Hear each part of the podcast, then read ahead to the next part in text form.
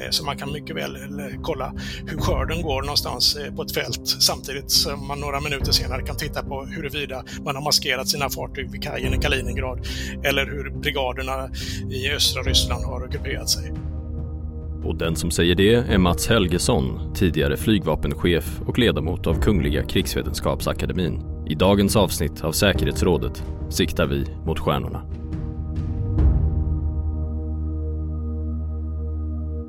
Ja, just det. Ad astra per aspera, latin för mot stjärnorna genom svårigheterna. Och vi ska prata om svårigheterna, eller kanske snarare behoven och utmaningarna när det gäller rymden och svensk säkerhet. Välkommen till podden Säkerhetsrådet, Mats Helgesson. Tack så mycket. Ad Astra mot stjärnorna går ju tillbaka till Vergilius i nationaleposet Aneiden när Apollon säger således färdas man till stjärnorna. Mats, du har ju tillbringat mer tid än de flesta av oss att ägna dig åt att fundera på det här med vad som händer ovanför våra huvuden. Vad är problemet för Sverige när det kommer till rymden? Jag vill väl kanske inleda med att säga att jag, jag, även om jag ägnat mig med saker som händer ovanför våra huvuden så är det väl kanske huvudsakligen i luftrummet som jag haft fokus under mina eh, 35-40 år i, i branschen. Men eh, även rymden är ju en del av det som finns ovanför oss. Och för Sveriges del så tror jag att det huvudsakliga problemet är att vi har liksom inte vågat säga att rymden är en säkerhetspolitisk arena på samma sätt som vi har sagt om, om övriga operativa domäner som, som sjön och luften luften och marken och så vidare. Så att eh, jag tror det huvudsakliga problemet är att vi har eh, förvisso uttryckt oss i vår rymdstrategi på ett sätt att det är av vikt, men vi har inte resursat det och vi har inte på riktigt låtit det här träffa liksom verkligheten, att det här är en viktig arena för säkerhetspolitiken. Är det som så att vi liksom tänker att det där är mer science fiction och stjärnornas krig och Luke Skywalker över hela, eller, eller vad, vad beror det på tror du? Alltså jag tror att, jag ser det ofta som så att det finns två spår i rymdverksamheter. Det finns ett idealistiskt spår, det finns ett eh, mer realpolitiskt spår. Eh, och Sverige har lutat sig mer åt det här idealistiska spåret. Eh, och det idealistiska spåret innehåller ju saker som vetenskap, teknikutveckling, forskning, eh, Eh, gemensamma bestämmelser för hur man ska uppföra sig i rymden, rymdstationen och the global commons. Eh, det är det idealistiska spåret och där har Sverige varit väldigt mycket. Det andra spåret, det realpolitiska, det är ju mer den klassiska stormakts eh, problematiken, det vill säga med förvarning, andra slags förmågor, att, att visa förmåga och kunskap i högteknologiska områden, kapplöpningen till månen och ja, men hela vägen ända ifrån faktiskt Hitler-Tyskland Alltså eh, V2 1943, det var ju de som var först i rymden. Det var ju förvisso ett, ett viktigt vapen, men det var framförallt en strategisk signal. Så den delen, den realpolitiska delen, eh, den har vi missat lite i Sverige tycker jag. Och just nu så sker det också en snabb utveckling i tekniken på, på satellitområden. De, de här satelliterna blir ju mindre, eh, billigare att skjuta upp. Eh, eh, eh vad, vad, vad, leder det här till? Det, det leder till flera olika saker. Att, att det blir billigare att skjuta upp eh, i sig gör ju att eh, fler aktörer har råd. Det är inte bara de stora, starka statliga aktörerna som har råd att bedriva verksamhet i rymden, utan även eh, mindre stater och framförallt kommersiella aktörer har råd att göra det här på ett annat sätt än vad som varit tidigare. Så att mängden satelliter ökar, typen av satelliter blir också någorlunda förändrad. Man har mindre satelliter och teknikutveckling är inte bara stark stark på området som sysslar med uppskjutning av satelliter, utan den är även själva satelliten i sig, eh, själva vehiklen i, rymden, i rymden eh, förändras ju och eh, sensorerna på, på satelliten har förändrats. Så det, det blir en, en ökad spridning av vem som kan agera i rymden. Det är inte förbehållet endast de stora starka super eller stormakterna idag, utan även mindre stater och kommersiella aktörer, privata aktörer kan agera på ett helt annat sätt. Och här när vi pratar om storlekar, då, då, då, finns ju någonting som man brukar kalla för mikrosatelliter, stora som pizzakartonger och sådär. Alltså bara så att lyssna får en, en bild av när vi pratar små, hur, hur, hur litet är det? Ja, alltså man brukar prata om kubsatelliter. Man har ansatt en standard, ett standardformat där man bygger på en decimeter gånger en decimeter gånger en decimeter som en slags eh, en modul som man bygger satelliter på. Och det finns satelliter ända från den minsta storleken där då och uppåt. Så att, låt säga att, att en, en, eh, en spaningssatellit med en förvisso inte kanske jättestark eh, sensor, men ändå är en, en 3, 4, 5, 7 sådana här kuber kanske. i storlek, eh, tillsammans med lite solsegel för att samla energi och annat. Så, så man kan ha stora och man kan ha små. Och, och särskilt om man då bygger ihop de här satellitsvärmarna, eller konstellationerna som man kallar det, eh, så, så, man kan fusionera sensorinformationen ifrån dem till, till, till något större eh, på marken, så, så blir ju de här små satelliterna väldigt intressanta. Och här har vi ju satelliter som kan göra väldigt stor nytta för, för mänskligheten i många olika avseenden. Man kan få koll på ja, till exempel eh, klimatförändringar, utsläpp, eh, eh, förstörelse av skogar i Amazonas. Och nu pratar jag om de civila sakerna, men men allt det här har ju dubbla användningsområden. Ja, men så är det ju verkligen. Och det är ju, det är ju helt och hållet eh, hur man använder datan som avgör om det är militärt eller civilt, eh, med, med sensorer i rymden framför allt. Då. Men även kommunikationslänkar och annat kan ju användas både för att förmedla vanligt eh, civilt eh, behovet av kommunikation och militära. Så att det är helt rätt. Och jag menar en sån här multispektral, det vill säga eh, en, en sensor som tittar över ett ganska brett våglängds och frekvensområde kan ju se skillnaden i, i, i klorofyllhalter i blad och sånt där i skogen. Men det kan också se skillnaden på ett maskeringsnät och ett träd. Eh, så man kan mycket väl kolla hur skörden går någonstans eh, på ett fält samtidigt som man några minuter senare kan titta på huruvida man har maskerat sina fartyg vid kajen i Kaliningrad eller hur brigaderna i östra Ryssland har grupperat sig. Så att eh, det är fleranvändbart, absolut. Men går det att gömma sig för satelliter? Alltså om, om, här liksom, om, om man skulle ha ett stort satellitnät som, som kan titta ner, går det att, att förflytta trupp och, och skapa en, en militär överraskning om, om, om den delen fungerar? Det är väldigt mycket svårare än vad det var för, låt säga, 20 Eh, år sedan eller så. Eh, men det är inte omöjligt. Jag menar, väder spelar fortfarande en roll. Och även om man nu har satelliter som har eh, radar så ser ju de genom moln och väder och annat. Men de kanske inte finns överallt hela tiden och kan se kontinuerligt så att säga. Så att det gäller att ha en förståelse hur det ser ut på, på himlavalvet ovanför. När passerar vilken typ av satellit eller satellitkonstellation och vilken förmåga och vilken kapacitet har den?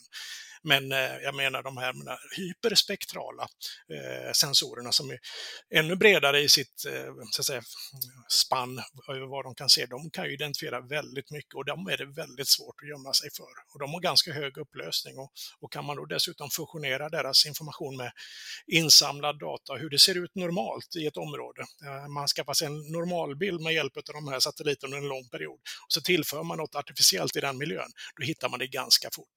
Så att håller man sig under ytan eller under marken, då syns man inte för satelliten lite förstås.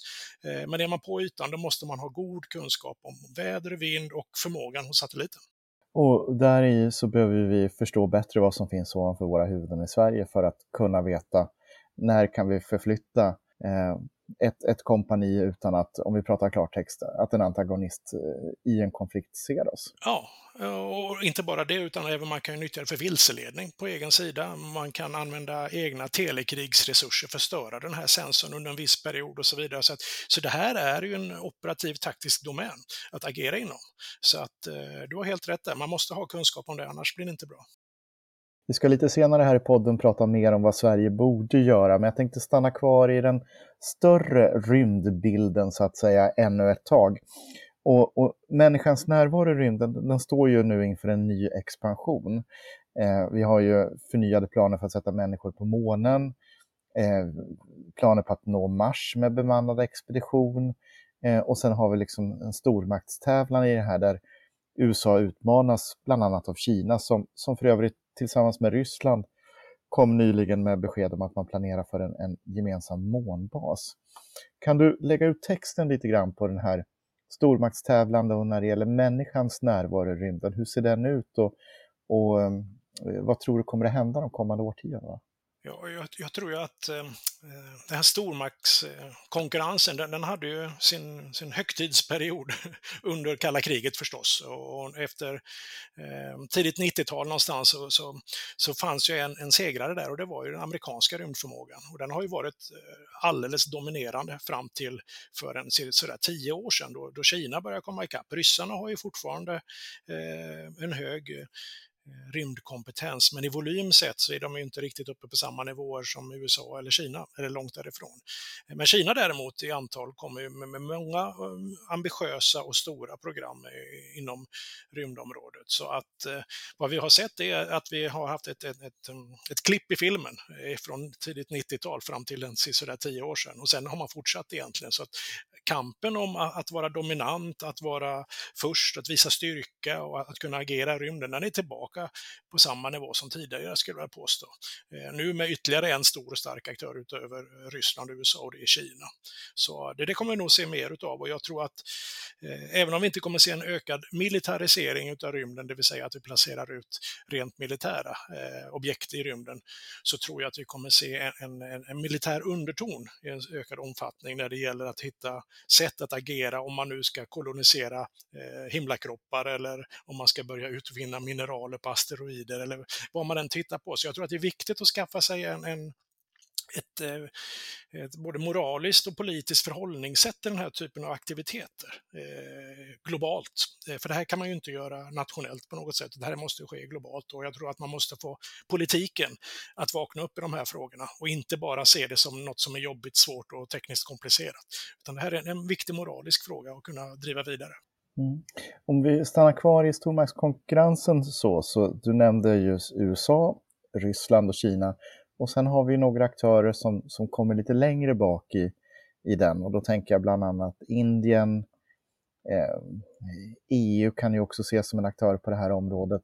Eh, efter, efter medaljplats då, hur, hur ser bilden ut där skulle du beskriva den? Ja du, alltså det, Indien är stora och starka och har eh, en god förmåga, definitivt så. EU har ju precis som Sverige haft ett ben väldigt starkt i den där idealistiska rymdverksamheten. Nu är man ju på väg att, att balansera upp det med sitt eh, Space Traffic Management-program bland annat, där Tyskland och Frankrike är dominerande och ledande.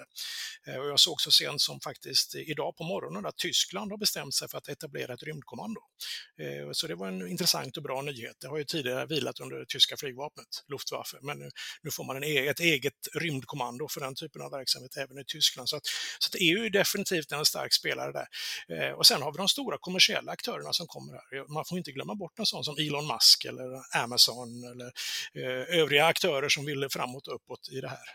Frankrike är duktiga förstås. De har en lång historia av egen förmåga. Japan ska vi inte heller glömma bort. Brasilien Brasilien finns på banan också. Så det finns ett flertal stora eh, duktiga aktörer här. Så att, eh, eh, och Sverige tycker jag då har riskerat alldeles för mycket att hamna långt, långt efter. Vi, vi har varit så djupt eh, eh, balanserade i det idealistiska att vi har tappat det andra realpolitiska spåret i rymden, tyvärr. Mm. Eh, när tror du att vi får se en människa igen på månen och när kommer första människan att sätta sin fot på Mars? Och, och, och vem gör det? Ja, ja, precis. Eh, jag tycker det är fantastiskt det här roliga citatet från Elon Musk han fick någon fråga från en, en, en mm, europeisk reporter om eh, Eh, sina planer mot Mars och 2030 som han har siktat på och så vidare någonstans. Eh, och han sa att oavsett om när jag kommer till Mars eh, så kommer jag vara där innan EU har en gemensam plan på hur de ska ta sig dit. Och det tycker jag är rätt talande. Och EU har ju problemet att, att vara lite splittrade och svåra i det här. Och det är skönheten med den typen av organisationer och även utmaningarna förstås. Så jag tror att vi kommer definitivt se en, en människa på månen igen. NASA har ju ett ambitiöst program, jag tror 2026 har man väl satt, om jag inte minns helt fel, här rakt upp och ner. Och det är ju inte så långt borta, det är ju fem år. Eh, och jag tror att även Mars ligger in, inom eh, 15-årsperiod eh, med, med mänskliga aktiviteter. Så att eh, det finns definitivt och det är liksom i, i det överblickbara på något sätt. Mm. Och 15 års perspektiv då, det är ju, om vi bara får perspektiv när vi tittar bakåt, det är 2006, 15 år framåt, 2021. Eh, så, så nära ligger det alltså ja. att vi, vi sätter en, en mänsklig fot på Mars. Ja, det tror jag. Du, eh, jag tänkte nu delvis glida över i, i det här, eh, gå in mot den svenska delen.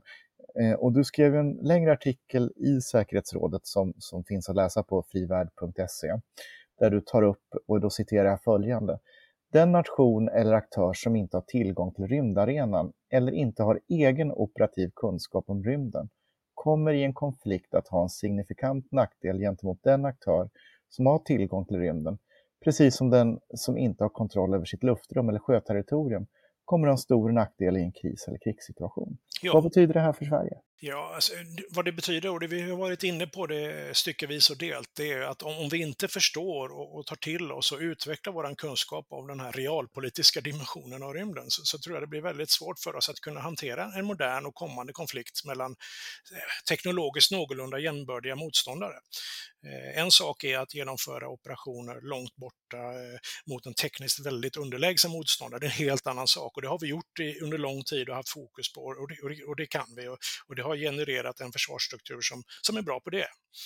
Men om man ska eh, levla upp, om man får uttrycka sig så, och kunna hantera någon som har mycket mer resurser och, och kunskap så måste man kunna eh, åtminstone förneka fullständig dominans av en arena hos en, hos en motståndare, för att då kommer vi bli helt...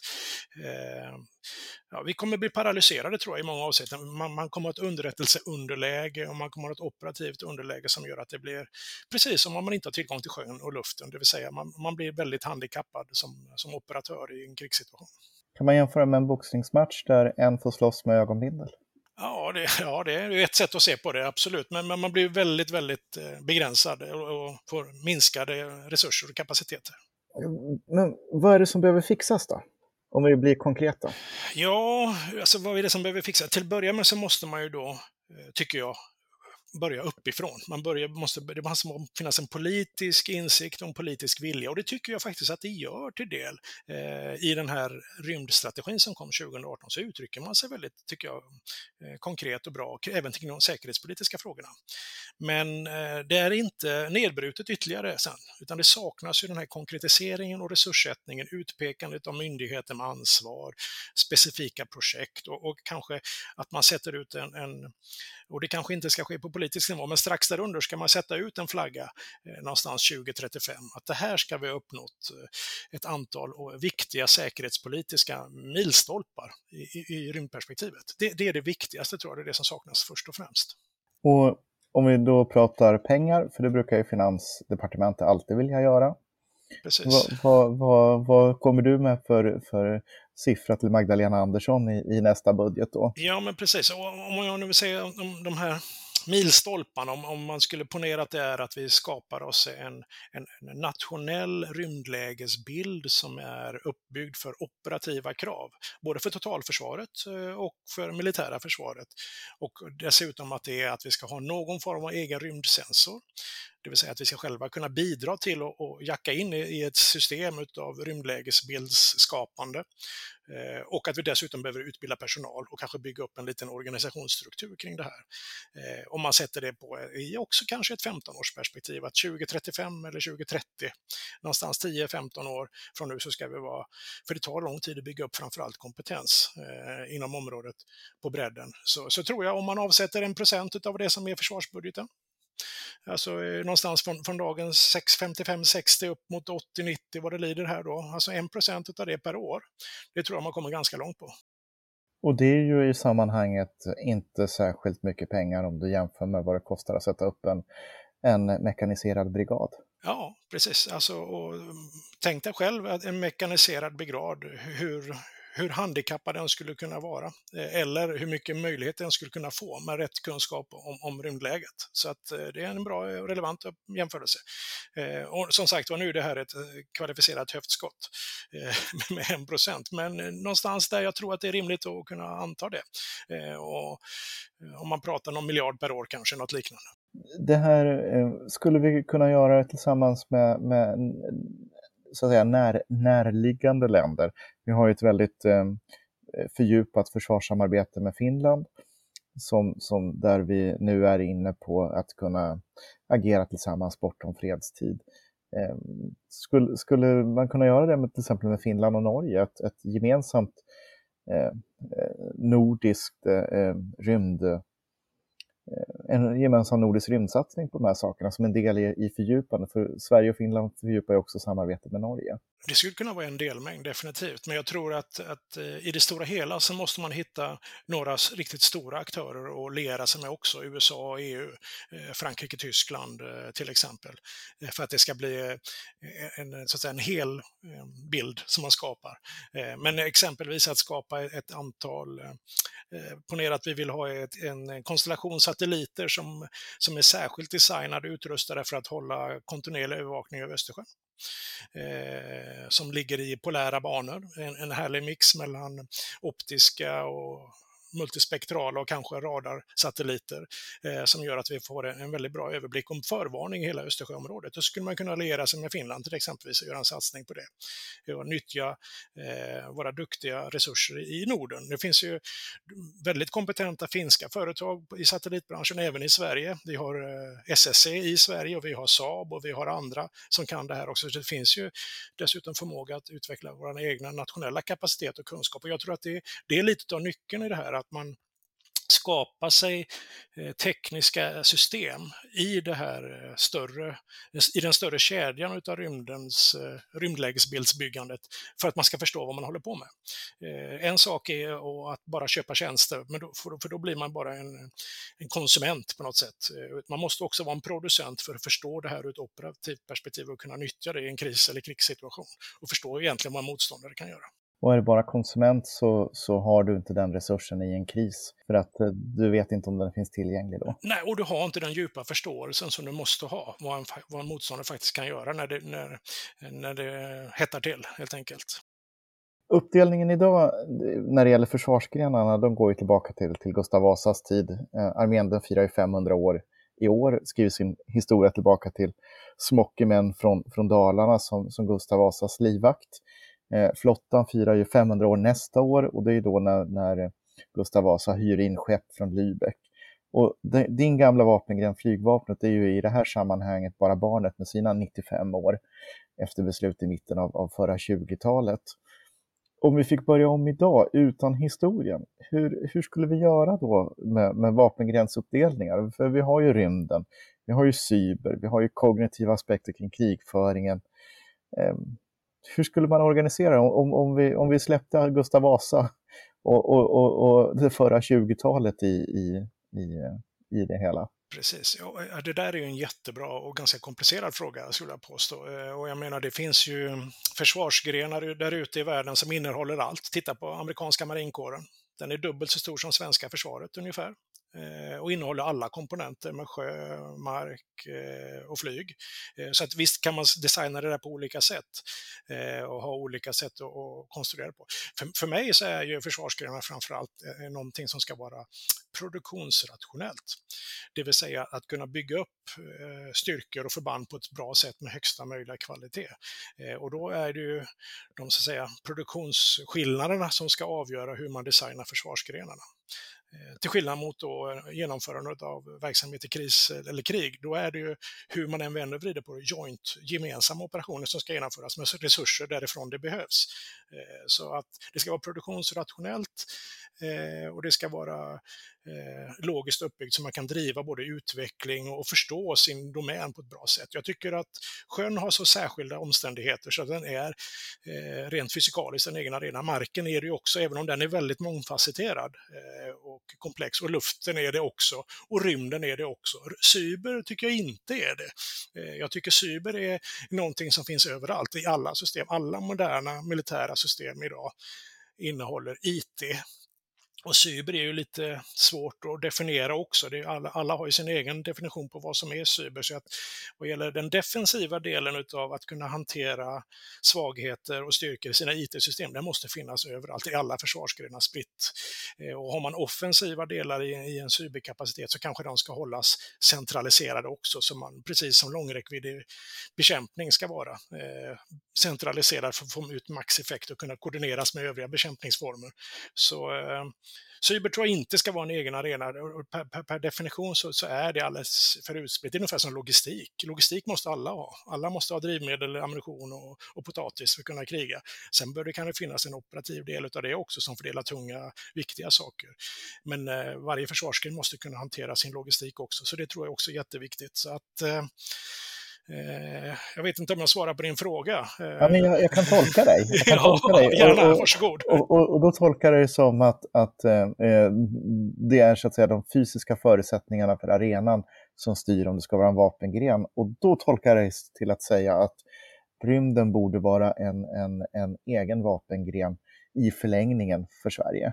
Ja, det tror jag. Eh, om man, om man drar ut perspektivet ytterligare en tid framåt så, så tror jag det är rimligt och vettigt. Och att, att ha det som vi har det idag med flyget under en uppbyggnadsperiod, det tycker jag är ganska logiskt. Och det harmoniserar väldigt mycket med hur många andra i världen gör också, eh, vilket gör att det blir lättare att samarbeta kanske.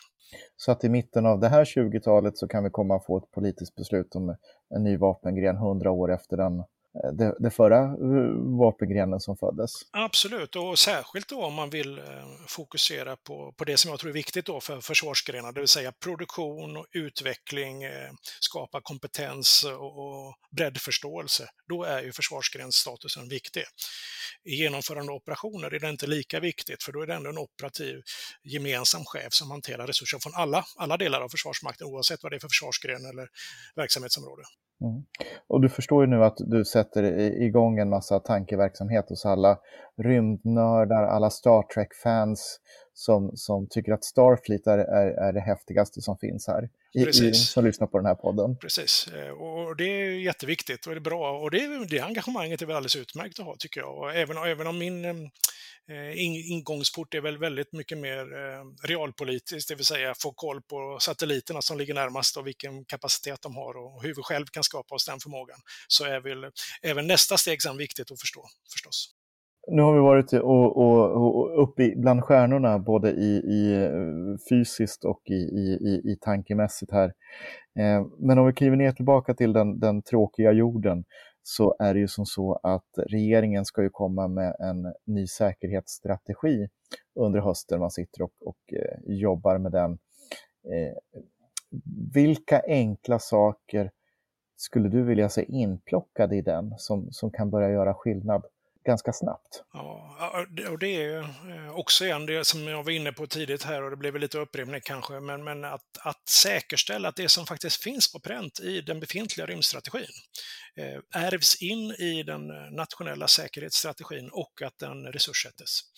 Eh, att vi någonstans i, i något regleringsbrev eller den typen av dokument på den nivån eh, pekar ut och kopplar till eh, säkerhetsstrategin och rymdstrategin så att till exempelvis MSB, Försvarsmakten och kanske ytterligare ett antal eh, statliga intressenter får tydliga styrningar. Rymdstyrelsen, som idag i allt väsentligt har, tycker jag, sin fot i den här idealistiska delen av rymdvärlden med forskning och utveckling och de är jätteduktiga, fantastiskt bra på Rymdstyrelsen. De, de, det är, världsklass på kompetensen där i, i många avseenden, men de är för små. Eh, och de kan inte hantera de säkerhetspolitiska frågorna riktigt, för det, det har man inte gjort och inte haft mandatet att göra heller. Så att det tror jag är det viktigaste kanske, att, att resurssätta, peka ut myndigheter och sätta tummen i ögat på myndighetscheferna så det blir fart på det här. Mm. Eh, och min allra sista fråga, för vår halvtimme lider ju snart mot sitt slut. Och jag tänkte nu att du skulle få vara lite järv och lite fri i tanken. Eh, tror du dels att Sverige kommer under det här århundradet, och då, då har vi ju faktiskt eh, 79 år kvar, eh, med egna resurser från Sverige eller, eller vi kan säga från Norden, skicka upp människor i rymden? Kommer vi att eh, eh landa på månen och, och kommer vi att åka till Mars? Det är roligt att spänna ut eh, perspektiven lite. Eh, jag tror ju att, mm, precis som vi har gjort tidigare när vi har haft eh, svensk astronaut i luften, Christer Fuglesang, här, så har det varit i formen av samarbeten. Och det tror jag vi kommer se igen under det här århundradet. Jag tror däremot inte att det är vare sig eftersträvansvärt eller kanske möjligt att skapa hela det spektrum av åtgärder och kompetenser och kapaciteter som behövs för att bygga upp bemannad rymdfärd baserad med, med svenska eller nordiska resurser. För det är väldigt mycket mer än vad vi har idag eh, på många olika områden. Och det tror jag blir oproportionellt dyrt. Eh, och inte egentligen något behov av just nu heller. Utan jag tror att man ska luta sig mot samarbete när det gäller bemannad rymdfärd för, för nationer i Sveriges storlek. Däremot så besitter vi väldigt många kompetenser som är, som är viktiga kugghjul i det här maskineriet. Eh, bra högteknologisk industri, en, en forskningsvillig och utvecklingsvillig politik och en, en, god tradition av att bygga komplexa, svåra system finns ju i Sverige. Så att vi har alla möjligheter att vara en, en, en så att säga, en, en, delmängd i det som inte bara konsumerar utan det som producerar eh, den här typen av rymdkapaciteter också. Så att eh, om 79 år så, så har vi gjort det här tillsammans med andra närstående likasinnade, om det är i EU-familjen eller EU-USA eller, eller vad det nu kan vara. Absolut, ja, men det tror jag.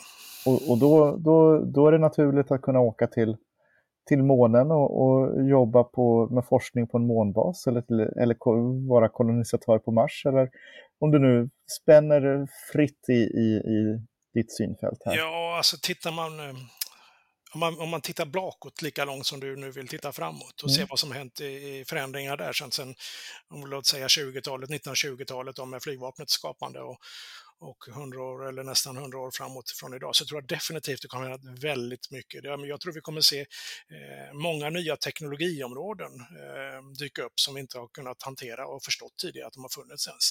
Eh, jag tänker på till exempelvis hela det här området av atmosfären som vi idag inte utnyttjar. Och nu pratar jag inte yttre rymden utan nu pratar jag området ovanför tropopausen, det vill säga någonstans från 20 kilometer upp till rymden, upp till 100 kilometer. Det använder vi inte särskilt mycket idag för det är för, för tunt med luft luft för att kunna flyga med vanliga flygplan. Och det är fortfarande för mycket luft för att kunna åka med rymdraketer där och man behöver det blir för mycket friktion och värme och annat för att kunna sätta satelliter där egentligen. Hela det området, att hitta teknologier för att nyttja det området som, som är ett stort faktiskt rejält område som finns runt omkring oss, runt hela jorden. Där tror jag vi kommer se aktiviteter med, med nya typer av framdrivning, hypersoniska flygfarkoster och annat som kanske kan gå ut och in i rymden eh, och hitta möjligheter för transporter på jordklotet. Och kanske, vad vet jag, eh, även ta sig ut i himlakroppar runt omkring på ett annat sätt.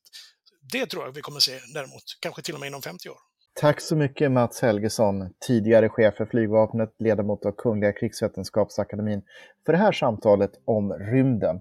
Och du har just lyssnat på en podd från Tankesmedjan Frivärd. Jag heter Patrik Oksanen, rösten i början till Ardino Ekdal, som också gjort bearbetningen. Och podden finns där poddar finns. Prenumerera gärna så att du inte missar ett avsnitt. Och kom ihåg, Sverige är värt att försvara, även långt, långt ovanför oss. Och motståndet upphör aldrig.